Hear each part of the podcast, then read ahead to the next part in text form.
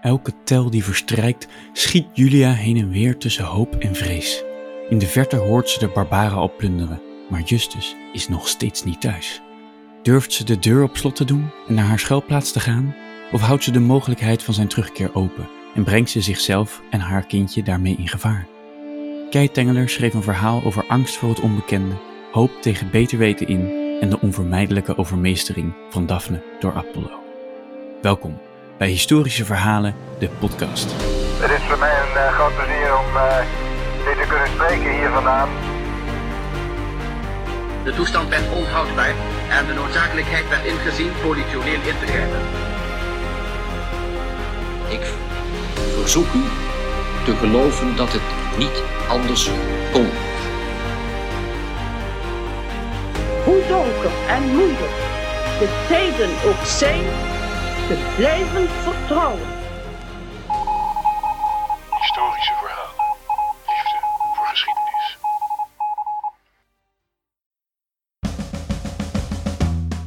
Welkom allemaal. In deze podcast praten we met de schrijvers van uitgeverij Historische Verhalen over hun verhalen, de historische achtergrond en hun schrijfproces. Heb je het verhaal Metamorfose nog niet gelezen of geluisterd?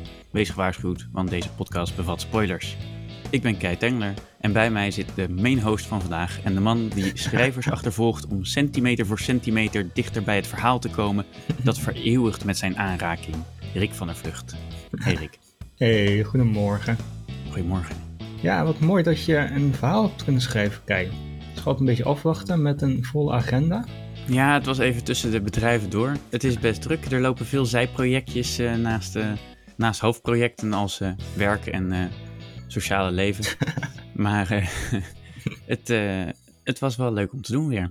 Nou, mooi. Ja, ik herken dat wel hoor, een volle agenda. Ja, ben je al toe aan vakantie? Ja, ik ben zeker toe aan vakantie. Ik zou eigenlijk even een weekje in een klooster willen zitten.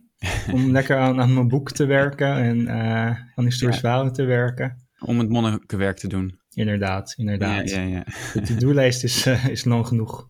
Um, het verhaal, waar te beginnen?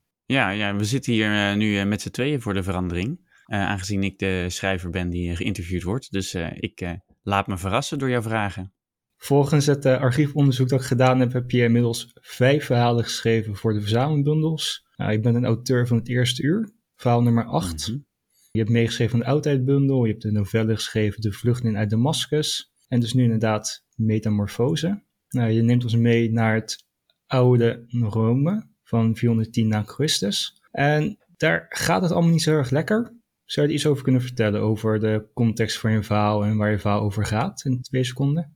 Oeh, binnen twee seconden. Ja, waar twee zal seconden, ik beginnen? Ja. Nou, de kern van het verhaal is meer de, de menselijke kant natuurlijk. Het is een vrouw, Julia, die eigenlijk opgesloten zit in haar huis, terwijl de Rome wordt be belegerd, of eigenlijk wordt ingenomen door de Visigoten.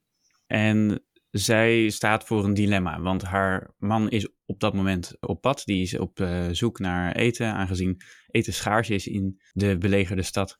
En zij twijfelt, ga ik de deur sluiten en daarmee mezelf in veiligheid brengen, maar mijn man mogelijk buiten laten staan? Of laat ik de deur open, waarmee ik de mogelijkheid geef en de hoop hou dat hij terugkomt, maar ook mezelf in gevaar breng, want ja, dan kan iedereen zomaar binnenkomen lopen. Mm -hmm. Dat klinkt wel als een gewaagd plot, als in er gebeurt niet heel veel.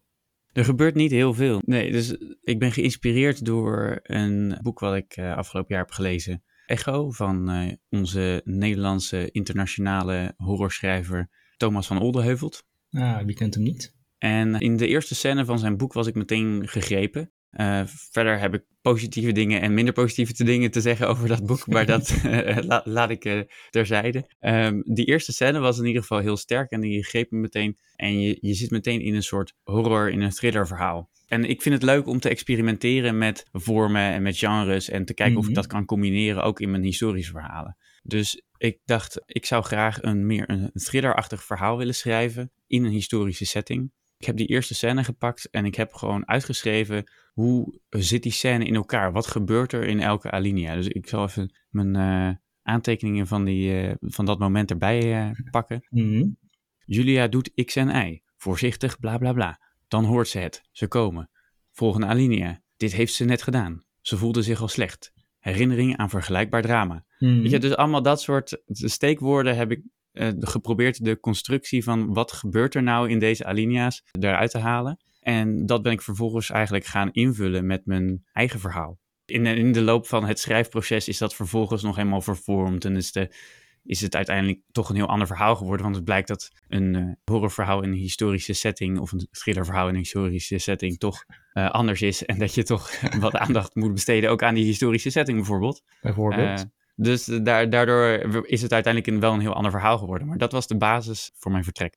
Oké, okay, ja, het, het, idee is natuurlijk superleuk om een combinatie te maken tussen verschillende typen verhalen. En dat je inderdaad een spannend verhaal schrijft binnen een historische setting. Maar dan ben je wel echt gegaan voor het meer psychologische aspect. Klopt, ja. Wat weer een grote uitdaging is. Exact. Dus het, het ging mij om kijken of ik met eigenlijk met weinig dat er gebeurt, met puur het gegeven van er komt wel of niet iemand binnen. En ik had in eerste instantie ook nog best wel vaag gehouden wie of wat die dreiging dan zou zijn. Maar alleen maar dat er dreiging is, dat moest eigenlijk genoeg zijn voor het psychologische conflict. Mm. En werkte dat? Uh, nou ja, jij bent de redacteur, dus jij, jij kan dat uh, beter zeggen in dit geval dan ik denk. Maar ik, als ik uh, zelf achteraf moet, ernaar moet kijken, dan denk ik, het werkte wel, maar niet goed genoeg. Mm. Het had, zoals jij dat geloof ik verwoordde, het miste urgentie. Doordat er niet duidelijk was wat nou precies de dreiging was en wat nou precies de, de stakes waren, waar, waarom het nou zo erg was dat die dreiging er was. Dat werkt denk ik goed in een paranormaal horrorverhaal, omdat paranormaal mm-hmm. sowieso een beetje vaag en onbekend is. En in, in het verhaal van Thomas Oldenheuvel ging het om schaduwen in het trapgat die langzaam dichterbij kwamen. Weet je, dan is dat al een soort van eng. En nu was het niet duidelijk waarom de hoofdpersoon nou zo bang was. Dus er was veel meer achtergrond nodig. Ja, dat heeft misschien ook te maken met de verwachting die de lezer heeft. Dat als je een spannend verhaal verwacht te lezen, waarbij er iets gaat gebeuren dat uh, mis kan gaan, mm-hmm. dan begin je heel anders een verhaal te lezen dan wanneer je misschien een historisch verhaal leest waarbij je niet die verwachting hebt. Ja, dat kan ik me ook goed voorstellen. Ik moet de lezer iets meer verleiden en iets meer laten zien van kijk, het is echt mm-hmm. wel een historisch verhaal, maar het is ook spannend. ja, dat is volgens mij wel goed gelukt. Ja, je merkt dat het uh, historische verhaal vergt al wel iets van de lezer. Ik denk dat dat ook iets is wat ik wel geleerd heb, ook van mijn redactieervaring nu bij uh, historische verhalen en bijvoorbeeld ook van de laatste bundel, de Tweede Wereldoorlog bundel, waar ik nog meer bij de redactie bezig ben geweest. Dat je uh, mensen naar een andere wereld trekt die je al moet uitleggen en waar je al van alles over moet vertellen voordat mensen een beetje weten waar ze überhaupt beland zijn. Mm-hmm. Dat kost eigenlijk best wel wat tijd en best wel wat woorden. En ook een stukje van de snelheid van het verhaal. Want doordat ik die achtergrond moest geven, moest het snelheid in het begin ook naar beneden. Want je moet Mhm. even de lezer de tijd geven om eraan te wennen. En dat het historisch is en dat je dat dan ook nog wil combineren met een ander genre, dat Mhm. vergt dus nog iets meer tijd en nog iets meer investering van een lezer. Van hey, je, je gaat hier, eh, je moet die verwachtingen opbouwen, zoals je zelf al zei. Mhm. Ik, ik heb wel eens een, eh, iemand horen zeggen dat het historische eh, roman is heel vaak redelijk melodramatisch. Het is Ja. eh, in verhouding tot zeg maar de, de standaard literaire roman die in het heden afspeelt. Daarin kun je veel subtieler zijn in de gevoelens en in veel meer show, don't tell. Veel Mhm. meer met kleine details laten zien wat een persoon voelt, omdat wij de wereld zo goed kennen. Dus wij weten heel goed wat die kleine details al betekenen. Kijk, als je hier een eh, lege wijnfles in de tuin vindt, te begraven, dan heb je al een beetje een idee, het gaat niet zo goed met deze persoon. Mhm. Maar als je dat in het verleden vindt, dan denk je, ja, misschien was dat wel normaal. Misschien was dat wel een eh, ja. ritueel, weet ik veel. Ja, klopt. Dus je moet veel meer context geven voordat je dat doet. En misschien dat daarom dus de historische romans vaker een aangezet emotioneel plot hebben. Mhm. En een, misschien een relatief simpel emotionele ontwikkeling. Ja, dat zou wel kunnen, ja. Het is al ingewikkeld genoeg voor een lezer dat het in een andere periode afspeelt. Klopt. Ik denk dat ook de kern van wat historische fictie is, dat is ook die historische setting. Ik ben nu bezig met een boek te schrijven over hoe je historische fictie schrijft. En dat is ook een Mhm. beetje een zoektocht naar wat is historische fictie eigenlijk. En Ja. het verschil tussen gewone fictie en historische fictie is inderdaad dat je bepaalde sfeer toevoegt, dat je bepaalde gebruiken toevoegt, dat je een context schetst van zo'n historische setting. Dus dat moet je doen, omdat je anders niet aan het type historisch verhaal voldoet. En dat is ook onderdeel van de charme, Mhm. dat je dus iets leert over een andere wereld. Klopt. Maar daarmee belast je inderdaad ook de lezer wel met soort van meer informatie. En je moet wel iets meer vertellen en uitleggen. Ja, ik, ik hou er toch van om niet alleen in het historische te schrijven, maar ook te spelen met de vormen en ook te spelen met de tijd of met tijdsprongen of met subtiele thema's die er doorheen geweven zitten, die dan aan het einde een lezer al dan niet doorheeft. Mm Ik vind het zelf als lezer leuk als ik een beetje eh, moet werken en een beetje mag ontdekken. Mhm. En dan vind ik het ook als schrijver niet heel erg als niet iedereen alle uh, nuances heeft opgepikt. Maar het is een trade-off, want je moet ook niet te ver gaan, want dan, eh, dan raak je de lezer kwijt. Dan zegt hij van ja, ik vind het niet zo interessant, mhm. of ik, ik begrijp het niet, of het komt gewoon niet binnen. Het is wel iets wat, waar ik me meer bewust van ben. Dat ik zeg, oké, ik mag misschien hier iets voor mijn gevoel overdreven doen, maar dat is niet erg, want anders dan ziet iemand anders het niet. Mhm. Dan zie je alleen ik het zelf.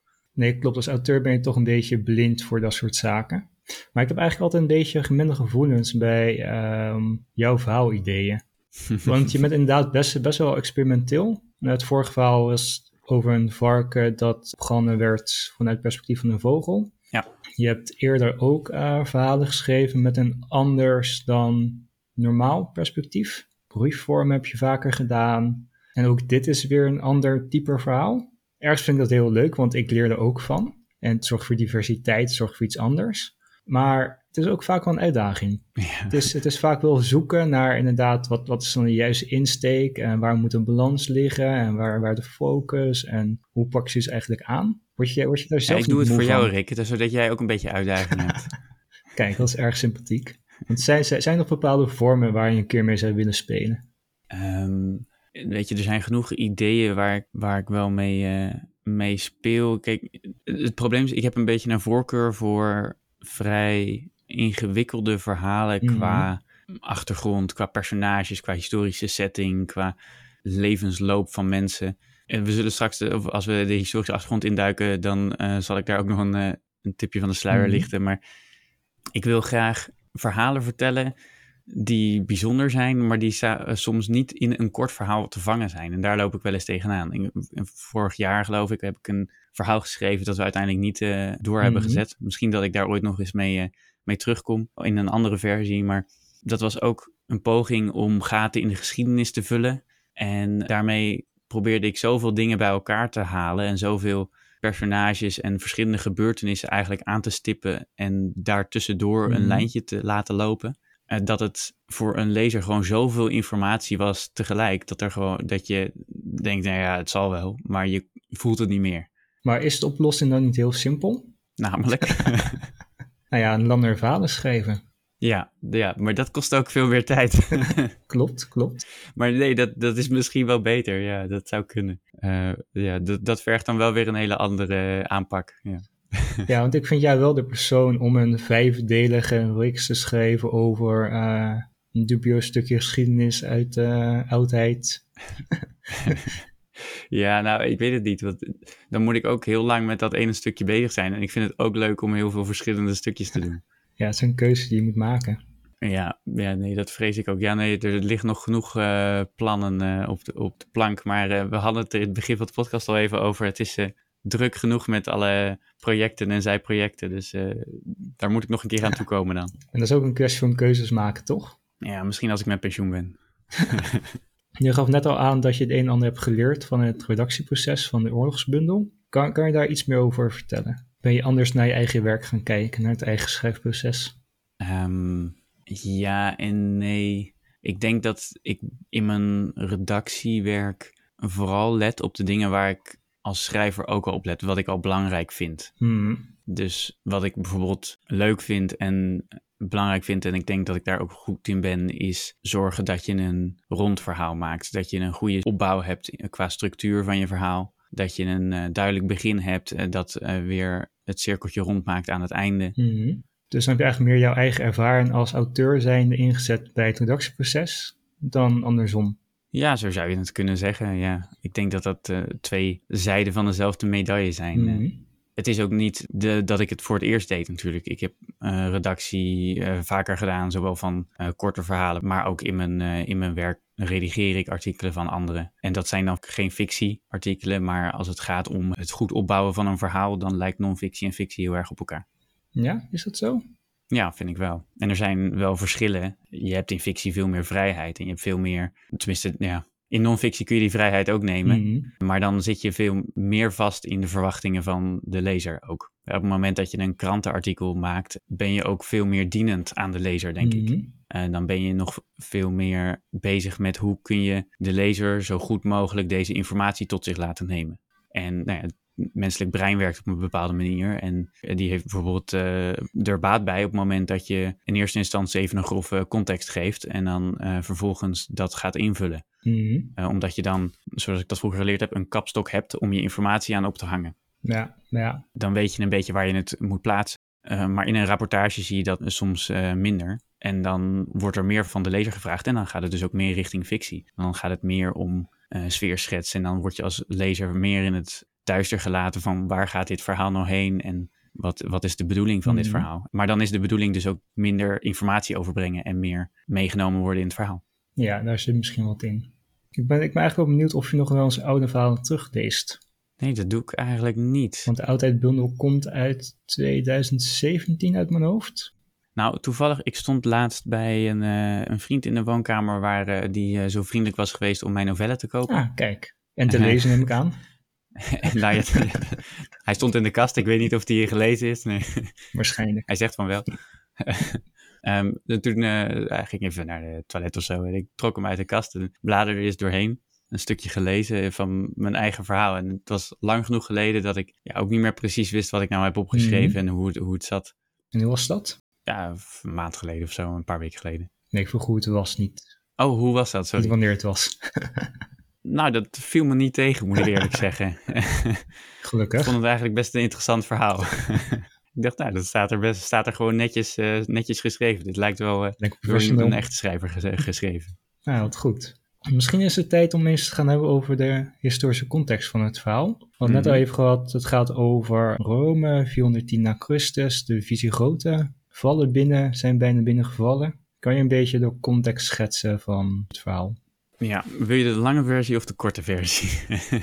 Ja, doe dan toch maar de lange versie. De lange Ja. versie, heel goed. Nou, het verhaal speelt zich af in 410 na Christus, waarbij de Visigoten, een volk dat oorspronkelijk buiten het Romeinse Rijk woonde, Rome plundert. En dat is voor het eerst in bijna acht eeuwen dat Rome wordt geplunderd. Mhm.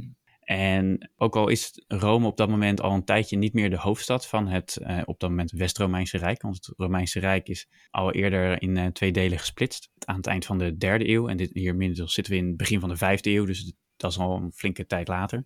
Maar die plundering van Rome, die is wel van grote symbolische waarde. Het wordt ook wel gezien als een belangrijke eh, gebeurtenis in wat we dan de val van het West-Romeinse Rijk noemen. Mhm. Rome stond bekend als de eeuwige stad. En het was zo lang geleden dat die daadwerkelijk geplunderd was. Dat, ja, het is een schok voor die hele, de hele Middellandse zeegebieden eigenlijk. Dat, dat dat kan gebeuren. Dat deze eeuwige stad waar zoveel geschiedenis is. Die zo lang oppermachtig is geweest. Die de wereld heeft bezet. eh, nu zelf wordt bezet. Eh, die, die zinsnede die eh, komt ook in het verhaal voor. En die komt van een eh, antieke auteur. En ook de, de zin wie zou hebben geloofd dat Rome, opgebouwd door de verovering van de hele wereld, was ingestort. Dat de moeder der naties ook hun tombe was geworden. Die zin zit ook in het verhaal en die komt ook aan, van een antieke auteur.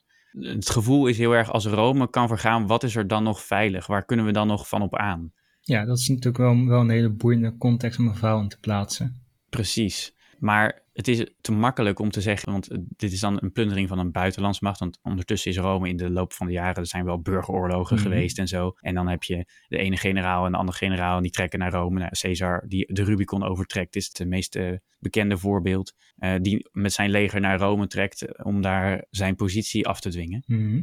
Dus in die zin is het niet 100% kloppend. En zou je ook best kunnen zeggen van ja, in hoeverre was dit echt een buitenlandse macht die Rome plunderde? Want de Visigoten kwamen al eind 4e eeuw binnen het Romeinse Rijk wonen. Eh, dus dat is al nou, 20, 30 jaar voordat deze plundering plaatsvindt. Op dat moment eh, werden ze opgenomen in het Romeinse Rijk, omdat eh, ze werden verdreven eigenlijk door de Hunnen die uit het oosten kwamen. En als bondgenoten kregen ze een plaatsje binnen het Romeinse Rijk van de keizer op dat moment, keizer Valens, de Oost-Romeinse keizer. En dat kregen ze ongeveer in ehm, Tsjechië, Hongarije, een beetje die, die omstreken. Mhm. Dat ging niet helemaal zonder slag of stoot. ze forceerden enigszins hun, hun plekje in het Romeinse Rijk. En vervolgens waren mensen helemaal niet blij met, uh, met, dat, met die vreemdelingen die binnen hun gelederen gingen wonen. En toen kwamen ze in opstand en versloegen ze nog de keizer, die vervolgens daarbij ook stierf. Dus leverde het een en ander aan problemen op. Mm het, was geen, het was geen vreedzame migratie. Maar ze waren al dus wel een tijd binnen het Romeinse Rijk een onderdeel. En in de jaren negentig wordt Alaric koning van de Visigoten. Dat is wel een bekende naam. Ja, ik weet niet of die nog steeds in het verhaal wordt genoemd. Volgens mij niet. Volgens mij stond hij alleen in een eerdere versie. Nee, hij is uitgehaald. Maar die blijft best wel lang koning van die Visigoten. En die leidt hen ook in allerlei bondgenootschappen uh, met dan wel de Oost-Romeinse keizer, dan wel de West-Romeinse keizer. In eerste instantie vechten ze bijvoorbeeld mee met Theodosius, de Oost-Romeinse keizer, tegen het West-Romeinse keizer. Want uh, daar is een keizer opgestaan en daar Theodosius vindt dat dat geen, uh, geen echte keizer is. Of die, die, die noemen ze zichzelf een uh, usurper, een okay. usurpator. Dus ook binnen tussen Oost en West wordt gewoon gevochten. En de grote helpen daarbij. Nooit geweten dat Oost en West ook tegen elkaar vochten. Ja, precies. Ja, die waren ook lang niet altijd blij met elkaar. Maar uh, in die strijd worden de grote wel op een beetje een uh, voorposten gezet. Hè, zo van, uh, die, die kunnen we wel verliezen als, het, als, als, het, als de nood aan de man komt, als het echt knokken wordt. Dus die worden ook flink gedecimeerd. En zijn, zijn daar vervolgens achteraf niet heel blij mee. Dus dat verzuurt een beetje die relatie. En vervolgens sterft Theodosius. Mm -hmm. Nou, Alaric zegt van ja, nou dan is ons bondgenootschap ook voorbij. En we, gaan, we, we trekken rond en we gaan flink wat plunderen. Dus daar, daar, zit, daar zit spanning. Uh, nou, de zonen van Theodosius, dat zijn Honorius en Arcadius. Mm -hmm. En die moeten het Oost- en West-Romeinse Rijk gaan verdelen. Dus Honorius krijgt het West-Romeinse Rijk en Arcadius krijgt het Oost-Romeinse Rijk. Maar ze zijn allebei op dat moment nog heel jong. Dus ze krijgen ook allebei een voogd die uh, voor hen eigenlijk de boel gaat besturen. Nou, en de voogd van Honorius, van het West-Romeinse Rijk, dat is Flavius Stiligio. En eigenlijk had ik ook best een verhaal over hem willen schrijven, want mhm. hij is echt, wat mij betreft, een tragische held in dit, in dit geheel. Ja, en ik zit ook wel te denken, dit is maar zo'n enorme context, wat echt op de achtergrond speelt. En dan gaat het verhaal gaat over Julia en Julius, weliswaar in deze context. Maar hier kan je 45 boeken over schrijven. Ja, precies. Nou, over Stiligio kunnen we dus de, inderdaad de, het uh, grote boek gaan schrijven. Maar ja, weet je, dan is het ook allemaal non-fictie. Moet je dat allemaal weer fictie van maken? Dat is allemaal moeilijk, joh. Ja, dat is juist leuk. Ja. maar dus ja, wie weet komt er nog een, uh, een monografie over uh, Stiligio, de, de ongelukkige.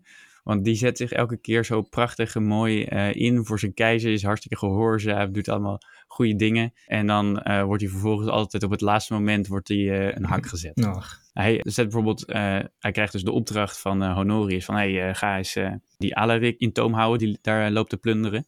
Dus met soldaten van Oost-Romeins en West-Romeins gaat, hij, uh, gaat hij daarop af en hij krijgt het voor elkaar. Zet, zet Alaric vast in, uh, in een of andere stad, wordt hij uh, bezet. Maar om een beetje een onduidelijke reden roept de keizer Arcadius roept dan op een gegeven moment zegt hij van nee, nee, je moet, je moet stoppen. Of ik wil mijn troepen terug of zoiets, iets, iets in die mm -hmm. trant. Dus die, die, dat leger gaat uiteen. De Oost-Romeinse soldaten gaan naar het oosten, de anderen gaan naar het westen. Stiligio die gaat ook weer terug naar Italië. En Alaric denkt, nou, mooi, plunder ik weer door. dus nou ja, een tijdje later wordt uh, Stiligio wordt er weer op afgestuurd. Wordt gezegd, ja, maar dat plunderen, dat kunnen we niet hebben. Dus hij gaat weer uh, terug, laat Alaric in de val lopen, heeft het weer helemaal voor elkaar.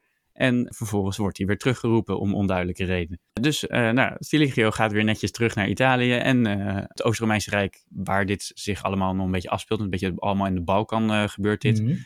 Uh, dat is onderdeel van het Oost-Romeinse Rijk op dat moment. Dus de Oost-Romeinse keizer zegt: Ja, hallo, uh, Stiligio, zit je nou uh, ons een beetje achter te laten met, met die plunderende Visigoten? we roepen jou uit tot vijand. en ondertussen wordt Alaric, die wordt zelfs beloond als commandant van Illyrië. Dus dat, dat is dat stuk van. Mm -hmm. want ja, die heeft flink de touwtjes in handen daar. Daar kunnen ze eigenlijk niet zoveel tegen doen. Dus zeggen ze: Nou, dan ben jij wel commandant van, van het geheel. Dan kunnen we je misschien inzetten om tegen het Westen te vechten. Mm -hmm. Zo gaat dat nog een tijdje door en elke keer komt hij tussen West en Oost terecht. En uh, Alaric trekt naar Italië op, waarna Honorius ook de hoofdstad heeft ver, uh, verplaatst naar Ravenna. Want hij trekt mm. op naar uh, Milaan, Mediolanum. En daarna vindt Honorius het een goed idee om de hoofdstad dus van Milaan naar Ravenna te verplaatsen. En, en dat komt ook in het verhaal voor. Oké. Okay. Maar Alaric wil op een gegeven moment losgeld hebben. Die zegt van ja, ik, ik zal je nu niet aanvallen, maar ik wil, ik wil wel betaald worden. Logisch. Nou, Stiligio die wil dat wel doen, maar Honorius, zijn baas, die wil dat niet doen.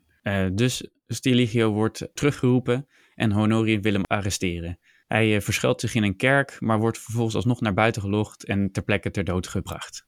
Dus hij heeft elke keer netjes naar iedereen mhm. geluisterd, maar uiteindelijk vindt hij een roemloos einde. Ja, daar zit wel een verhaal in. Maar wel een, een, een zeer tragisch verhaal. Ondertussen zegt uh, ja hallo, ik heb niet betaald gekregen, dus ik val uh, Italië binnen. En hij in eind 408 zitten we inmiddels, belegert hij voor het eerst Rome. Uh, daar snijdt hij de graanvoorraad af, want het meeste graan voor Rome komt via de haven vanuit Afrika, de, de zogenaamde graanschuur van, van Rome. En ja, er komt dus flinke paniek in de stad en er, er, breekt hongersnood uit. De lijken liggen op straat. En dat is het meeste waar mijn verhaal op gebaseerd is als het gaat over de verhongering in de stad. Mhm.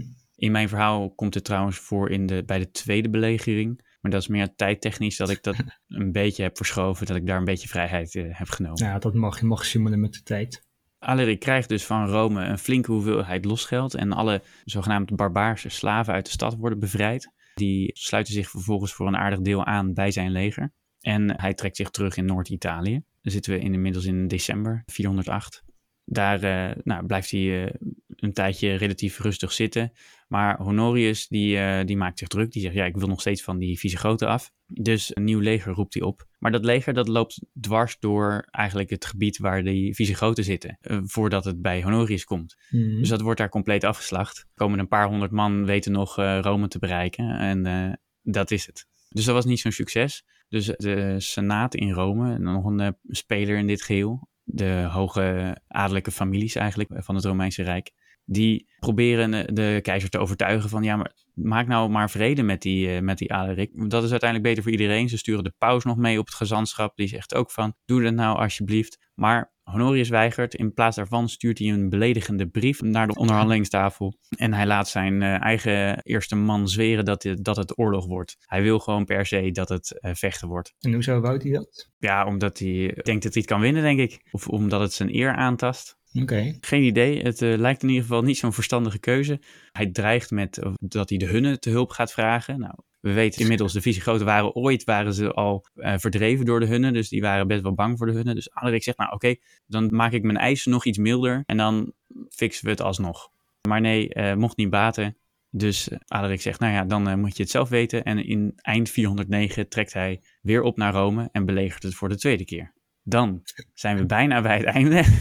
Want dit is dus de tweede keer. Hier dwingt hij dat er een, een, nieuwe keizer wordt aangesteld, eigenlijk door de Senaat daar in Rome. Die dan moet gaan concurreren met Honorius. Nou, eerst uh, werken ze samen, vervolgens is die toch niet naar de zin van Alaric, dus dan brengt hij hem weer om, of zet hij hem in ieder geval aan de kant. En dan komt er een laatste poging tot onderhandeling met de West-Romeinse keizer, met Honorius. Alaric gaat naar die uh, onderhandelingsplaats toe. Ze hebben ergens afgesproken. En daar wordt hij aangevallen.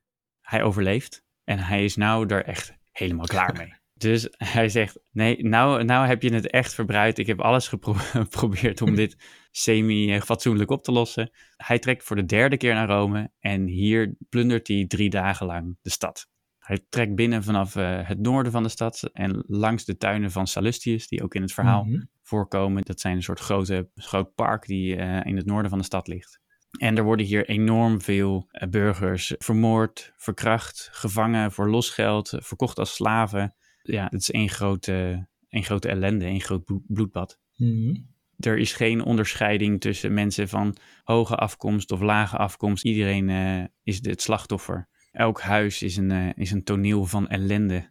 Hoewel er ook wel weer verhalen zijn dat het voor die tijd een relatief fatsoenlijke plundering was. Okay. Want er worden bijvoorbeeld de, de kerken de, van uh, Petrus en Paulus blijven onaangetast. En uh, van een aantal belangrijke monumenten worden alleen de, de mooie gouden plakkaten en, en de sieraden en dergelijke worden afgehaald. Maar die gebouwen blijven staan. Mm -hmm. We weten niet van enorme, bijzonder grote slachtpartijen of zo. Behalve dat gewoon een plundering nooit leuk is en dat er altijd slachtoffers vallen. Mhm. Dus de, de verhalen zijn daarover wat gemengd, maar de ja, impact is in ieder geval groot, want Rome is gevallen. Ja, ik, ik, ben, ik ben toch ook gewoon heel benieuwd naar zeg maar, de persoonlijke motivatie van zo'n Alaric. Wou die, wou die koning worden van heel Rome of ja, nee. Voor zover wij weten is dat niet per se uh, de aanleiding. Ja, misschien dat hij wel tevreden was gesteld als hij uh, Honorius had opgevolgd als uh, West-Romeinse keizer. geen idee. We weten in ieder geval wel dat hij, hij is niet zo lang na de, na de plundering is hij overleden. En zijn zwager, die zich inmiddels bij hem had gevoegd, die heeft de, de Visigoten vervolgens weer weggeleid uit Italië mm naar Gallië. En in latere generaties zijn de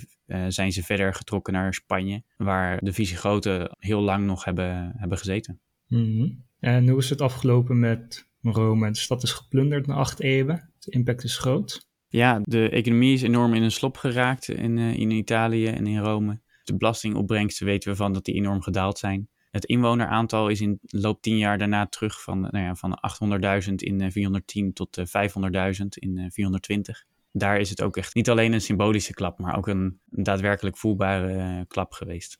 Het is een grondige context die je schetst. ja. Ik hoop dat het niet uh, te, te vervelend is voor de luisteraar dat ze zo lang hebben uh, moeten luisteren naar deze ingewikkelde context. Ik hoop dat het een beetje te volgen was. Ja, zeker. Ja, het, het nodigt uit tot meer. Als ik je zo hoor, dan denk ik, ja, je zit er zoveel verhalen in. Mm -hmm. Van keizers die koppig zijn, die gekke keuzes maken, tot visiegroten die zich niet welkom voelen, tot slagpartijen, tot... Ja, je zou een hele bundel over, over deze tijd kunnen maken. Exact, exact. En dat is, dat is sowieso een van de dingen die altijd leuk is aan het feit dat, dat jij ook verhalen schrijft. En dat is dat je ook echt die historische context goed kent. Waardoor het altijd zo sterk ingebed is in zo'n historische context. Ja, en hoeveel hiervan kom je nu tegen in het verhaal? Ja, ja heel erg weinig. Heel erg weinig. Ja, ik heb de Visigoten. Kijk, ze zijn uiteindelijk nog een beetje hebben ze smoel gekregen in het verhaal. Maar in mm eerste instantie was het puur een on, onzichtbaar gevaar eigenlijk. Het waren de barbaren en, uh, en zoek het verder maar uit. Mm En, en da dat vind ik dus ook zo moeilijk. Ik heb nu de kans om, uh, om even uit te pakken in de historische context. Maar dat is waarom ik het lastig vind om een, uh, om een kort verhaal uh, te kiezen. Mm -hmm. Omdat je gewoon zoveel interessante dingen te vertellen hebt over ja, eigenlijk maar één gebeurtenis, maar hoeveel er nodig is om daartoe te leiden. Mm -hmm. Om echt te begrijpen waarom die plundering plaatsvindt. Daar zit dus gewoon 20, 30 jaar geschiedenis vooraf. Ja, en je kunt het altijd verder trekken als je wil.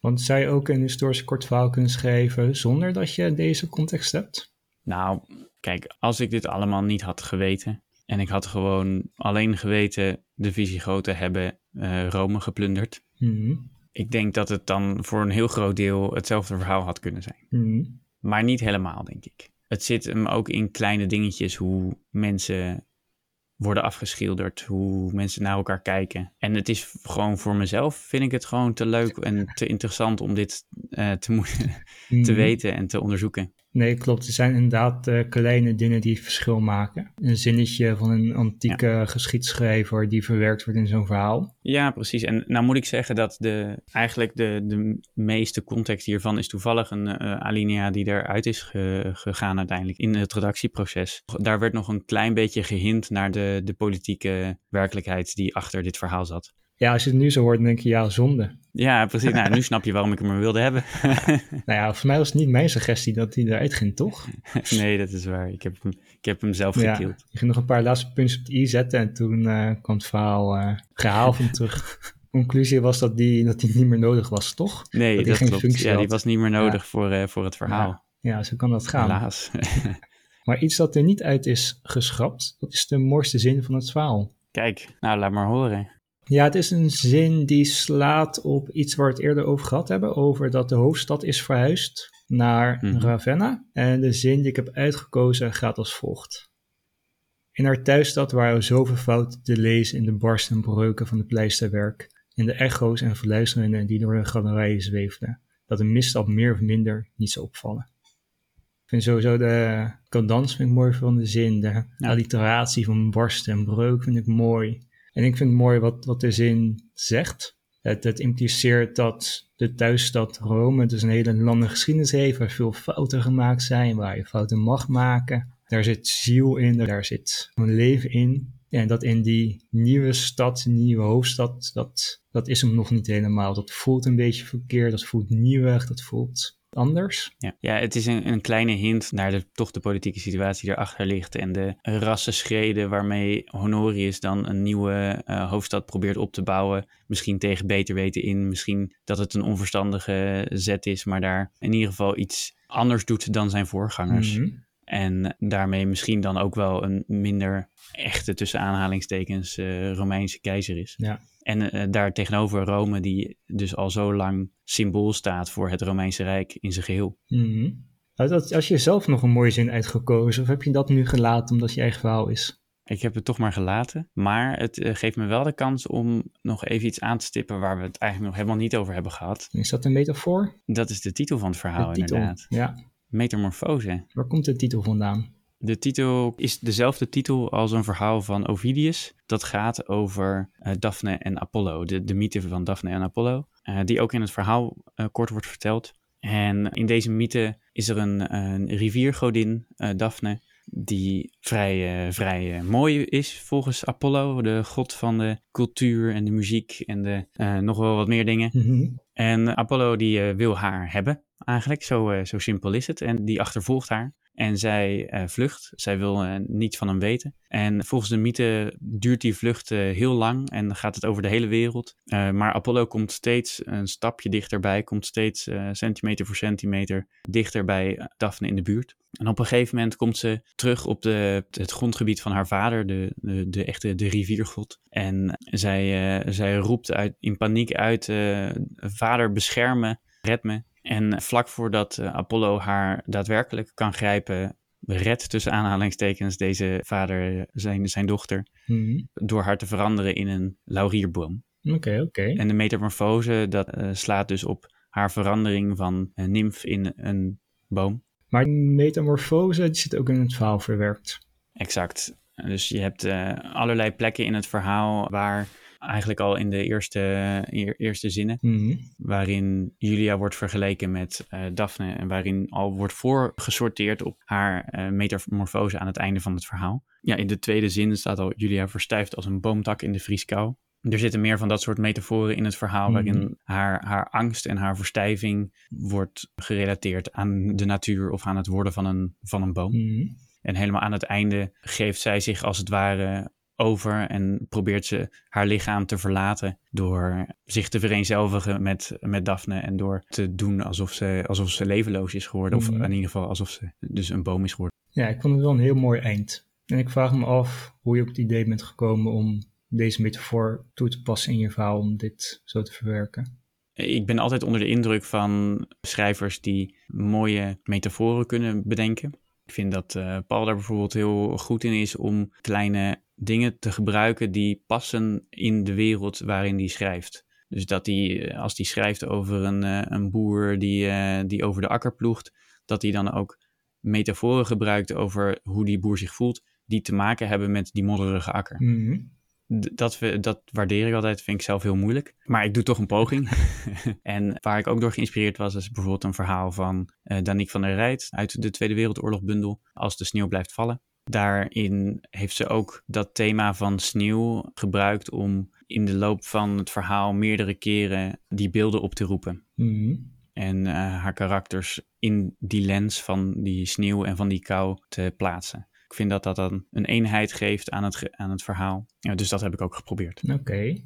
Ja, en zeker met gebruik van een mythe uit die tijd. Daarmee geef je wel een extra gelaagdheid, een extra laagje kennis geef je aan het verhaal. Ja, en het, het gaf me ook meteen de mogelijkheid om nog een klein, klein cultureel dingetje van die Mhm. tijd te laten zien. In plaats van alle politiek en de, en, de, en de emotie. Ook nog iets te laten zien van, kijk, we zitten hier in een Romeinse Rijk dat inmiddels al flink christelijk is. En we, we denken misschien bij de Romeinen in eerste instantie aan de oude Romeinse goden. Mhm. Maar de laatste eeuwen is, eh, is een heel groot deel van de bevolking is christelijk. Dus in dit verhaal is ze christelijk en ze slaat een kruis en ze, ze roept op een gegeven moment God aan. Maar dat wil niet zeggen dat die oude Romeinse goden niet meer in, het, in hun wereldbeeld Mhm. zitten. Ze heeft wel een fresco van de mythe van Apollo en Daphne. En ze kent die mythes nog steeds, omdat dat wel nog steeds onderdeel is van de cultuur. En dat kan best samengaan. Mhm. Ik vond de metafoor wel heel mooi verwerkt. En dat is inderdaad ook wat je eerder ook zei, dat De oplettende lezer die heeft het door. En de niet oplettende lezer heeft dat misschien niet door. Maar dat is ook niet erg. Want het is, het is niet essentieel voor het verhaal. Maar het is wel leuk als iemand het door heeft. Precies. Wie, wie hebben we als volgende gast uh, in de podcast? Dat wordt Debbie Willems. Zij heeft een verhaal geschreven over een oude viking. Die op zijn oude dag een beetje terugblikt op het leven. En op keuzes die gemaakt zijn. En over de hardheid van de Noorse winters. En er staan nog een paar oude bekenden op de planning. Maar die houden we nog even geheim. Oh, die houden we geheim. dus ja, er staat een hoop moois op de planning. En natuurlijk de verzamelbundel. Ja, wat is daarmee? Nou, die zit aan te komen. Die staat gepland voor de tweede helft van mei, begin juni. En dan hebben we het over de fysieke exemplaar. De fysieke exemplaar, ja. Die je bij de boekhandel op de kop kan tikken. Nou, daar komen we vast uh, de volgende podcast nog een keer op terug. Yes. Luisteraars, vergeet ons niet te volgen. Abonneer je op de podcast. Review de podcast. Doe alles wat je kunt om deze podcast aan je vrienden, familie, kennissen aan te smeren. En dan uh, zien we jullie weer volgende week. Volgende week. Volgende keer. Volgende keer. Volgende keer. Tot volgende keer. Dag.